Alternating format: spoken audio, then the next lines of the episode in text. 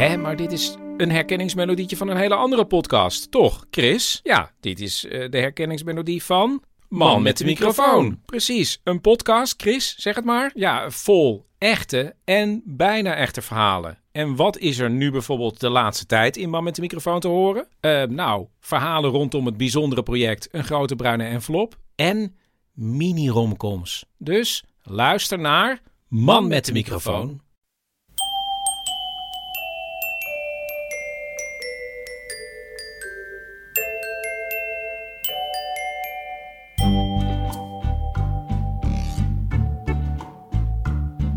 Welkom bij aflevering 289 van Echt Gebeurd.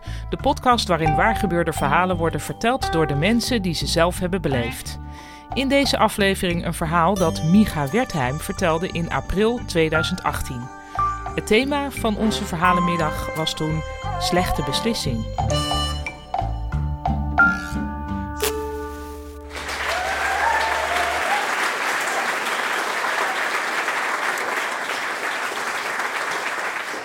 Toen ik eindexamen deed, was mijn grote wens om naar Amerika te gaan. Nadat, na mijn eindexamen dacht ik, ik wil terug naar Amerika. Ik had toen ik tien jaar oud was, waren mijn ouders vanuit Maren naar New York verhuisd. Ik zag daar heel erg tegenop, want ik wilde lekker in Maren blijven. Maar toen wij in New York aankwamen, zag ik dat de wereld toch wat groter was. En dat was fantastisch. Ik kwam daar op een school. Het werd altijd gezegd, oh in Amerika school heel erg slecht. Het was een fantastische school. Veel beter, niet een privéschool, gewoon publieke school. Maar met, met, met een speciale leraar voor wiskunde, een speciale leraren voor social studies, een speciale voor science. En we hadden een after-school programma waar je kon leren goochelen, waar je kon leren jong leren. Um, het was, we aten in de cafetaria, net als bij South Park. En er zaten, ja, maar dan kon je dus, kon je, als je een dollar meenam, kon je een burger of een pizza krijgen. Het was allemaal fantastisch. En uh, nadat we uit Amerika terugkwamen, uh, kwamen na een jaar dat ik uh, smiddags televisie, dat had je in Nederland nog niet, maar wij hadden, ik was helemaal, ik had de wereld gezien en toen hadden mijn ouders besloten, we gaan niet terug naar Maren, want ja, dat is na New York nogal een culture shock, maar we gaan naar Maarsbergen. Nou, Maarsbergen is, als je Maren kent, dat, dan, Maarsbergen is vergeleken bij Maarsbergen is Maren een stad. Het waren gewoon drie straten. Maar ze hadden besloten, wij gaan wel Micha nog terug doen op die oude school in Maren. Maar hij doet wel een jaartje over. Dus het was echt in alles verschrikkelijk. Ik was opeens terug in Maren en ik had allemaal verhalen waarvan iedereen zei... Huh? Snoepen ze in Amerika op school? Maar dat is toch heel slecht? En uh, ja, maar wij, er is een programma dat gaat over een aantal mensen die rijden in een busje en die redden iedereen. En de een heet B.A. Brockers. Iedereen, huh? Televisie kijken smiddags is slecht. Nou, en, en, en toen zat ik dus in het eindexamenjaar... En toen dacht ik, ik wil terug naar Amerika. Ik wil dat nog een keertje meemaken. En toen heb ik me ingeschreven voor Camp America. En Camp America, dat was een programma waarbij je als je uh, counselor kon worden in een zomerkamp, dan mocht je, uh, betaalde zij je ticket naar Amerika. En dan kon je daar uh, drie maanden werken. en, dan, of, en dan daarna kon je reizen door Amerika. Dus ik dacht, nou, dan kan ik en mijn geld verdienen, een beetje. Ik krijg een beetje zakgeld en ik krijg mijn ticket. Dus nu moest ik nog bedenken waarin ik counselor kon worden. En ik wilde heel graag. Dus ik heb die hele lijst met dingen doorgekeken. Voetbalcoach. Ik denk, ja, ik heb drie jaar op voetbal gezeten. Ik kan best voetbalcoach worden. Um, ik had uh, goochelen. Ik had in Amerika goochelles gehad. Acht lessen, aangetikt. Uh, klarinet. Ik zat op klarinetles. Ik denk, hé, hey, dan kan ik ook wel klarinetles geven. Het was nou niet dat ik op conservatoriumniveau zat, maar hup, aangetikt. En alles. Sollicitatiegesprek gehad. En uh, mijn ouders keken allemaal met verbazing aan. Maar ik, nou, ik ging eindexamen doen. Ik kon het wel. En er komt een post, een brief en ik maak hem open en ik ben aangenomen in Camp French Woods als magic counselor. en toen kreeg ik het wel even koud, want aan de ene kant wilde ik heel graag naar Amerika, maar ik had maar acht goocheltrucs die ik kende. Namelijk van die acht lessen die ik in Amerika gehad had. Eén met een, met een stokje met kleurtjes, één met die balletjes. En maar goed, en toen ben ik naar de slechte gegaan. En toen heb ik uh, boeken over de geschiedenis van de goochelkunst gekocht. Ik denk, nou, als ik dan door mijn trucs heen zit, ga ik gewoon vertellen over Harry Houdini en Robert Houdini. En hoe de goochelkunst belangrijk is geweest in de ontwikkeling van de wetenschap. Um, ik geloof dat ik die boeken eigenlijk ook nooit gelezen heb, uit zenuwen en zo. En, want ik moest ook dat eindexamen nog doen. Hoe dan ook, op een gegeven moment kwam ik aan in Amerika, in French Woods. En ik kwam met het vliegtuig, eerst met de boot naar, uh, naar Engeland vanuit... Uh, vanuit Vlissingen. Ik had mijn ouders Den Helder gezet. Dus gelukkig hebben ze nog net op het treinstation gezegd van... Micha, daar staat helemaal niet Den Helder, staat Vlissingen. Oh, nou. En toen naar... Dus dat is goed gegaan. En toen kwam ik aan in, uh, in, in, in, in New York. Dan moesten we met een bus naar French Woods. En French Woods bleek een van de allerrijkste zomerkampen van Amerika te zijn. Het zomerkamp had zeven vol geëquipeerde, ik weet niet of je dat zegt, fully equipped, theaters. Dus echt, met, en dat was een performing arts camp, daar werden... Uh, iedere drie weken werden daar vier Broadway musicals uitgevoerd. Met pitorkest.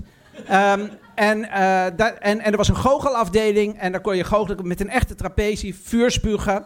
Uh, er was een dansschool met uh, zeven dansstudio's. Er werden toneelstukken uitgevoerd. De decors werden gemaakt door mensen die op Broadway werkten en in de zomer wat geld moesten verdienen. En er was een magic department.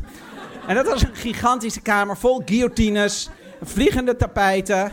En ik kwam daar binnen, maar er was nog een andere jongen, die was de head of the magic department. Een, een jongen met een camper die de wereld, die door Amerika reisde als goochelaar. En we waren daar eerst een week lang om voor te bereiden op het kamp. En dat betekende eigenlijk iedere week weer horen van als je met je vingers aan een meisje komt dat minderjarig is. Wij hebben je gewaarschuwd, dus wij zijn niet te soeën, maar jij gaat de gevangenis in. En dat werd steeds herhaald, zodat zij zeker wisten dat het niet mis zou gaan. En ondertussen moesten we, moest ik samen met die andere man de Magic Department schoonmaken, alles klaarzetten. En uh, twee dagen voor het kamp open gaat, zegt die goochelaar, zegt, ja, sorry, ik heb een offer gekregen, I can't refuse. Ik ga de wereld in met David Copperfield. Hij heeft mij gevraagd om met hem te werken, dus ik neem ontslag. Succes, Micha, als baas van het zomerkamp.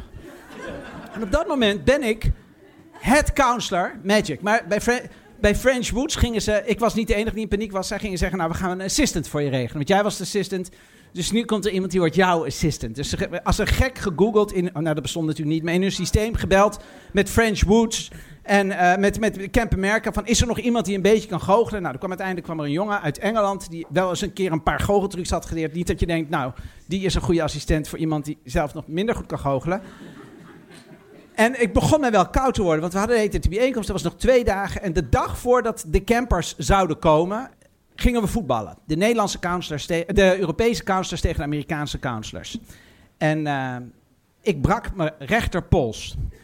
En dat is, moet ik eerlijk zeggen, wel mijn uh, uh, grote geluk geweest. Want hoe wil je als goochelaar met een pols in het gips, ik moest naar het ziekenhuis, wil je dan gaan goochelen? En um, dus ik, die, die avond nadat ik uit het ziekenhuis kwam, werden alle camper, uh, counselors nog één keer bij elkaar genomen door leiding. Die zeiden: Oké jongens, morgen komen de campers. Even voor alle duidelijkheid: we hebben steeds gewaarschuwd over seksueel uh, uh, gedrag. er zijn ook andere dingen. Je moet je niet gedragen als een totale idioot. Als jij hier geacht wordt te werken als bijvoorbeeld muzikant in een van de pitorkesten, dan is het niet de bedoeling dat je gaat voetballen en je arm breekt. We hebben het met één jongen gehad. Als nog met iemand gebeurt, sturen we hem naar huis. Dus daar zat ik met mijn Hans in het gips die kinderen die komen. De jongen uit Engeland die kwam pas twee dagen later. David heette die. En ik was.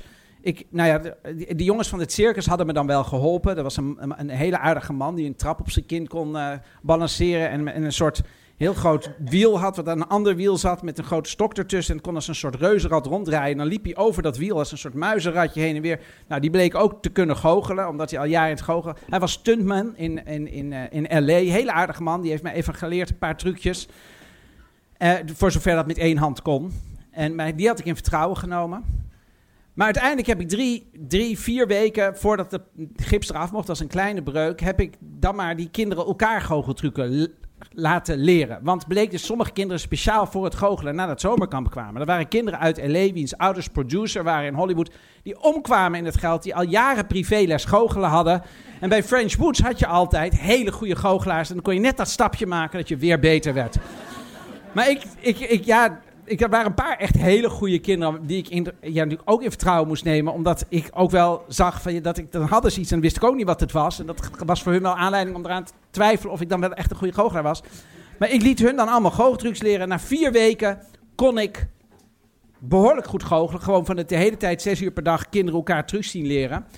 En um, toen kwam het gips eraf. Toen heb ik nog een paar weken toch wel goochelles gegeven.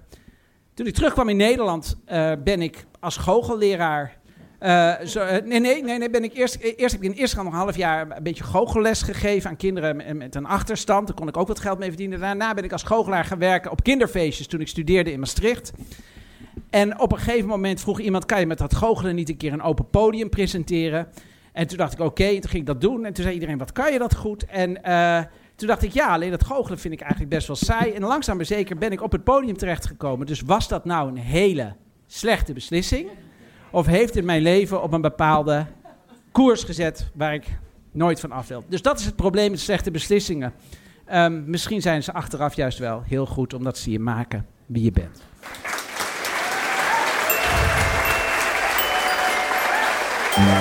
Dat was een verhaal van Micha Wertheim. Micha is natuurlijk redactielid van Echt Gebeurd en ook de andere presentator van deze podcast. Maar hij is sinds dat eerste open podium ook altijd theater blijven maken.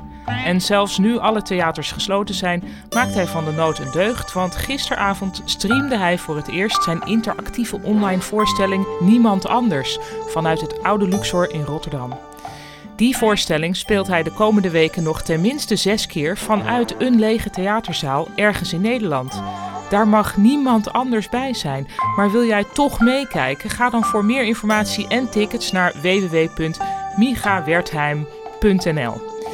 Behalve door Miga wordt Echt Gebeurd gemaakt door Maarten Westerveen, Rosa van Toledo, Eva Zwaving en mijzelf, Paulien Cornelissen.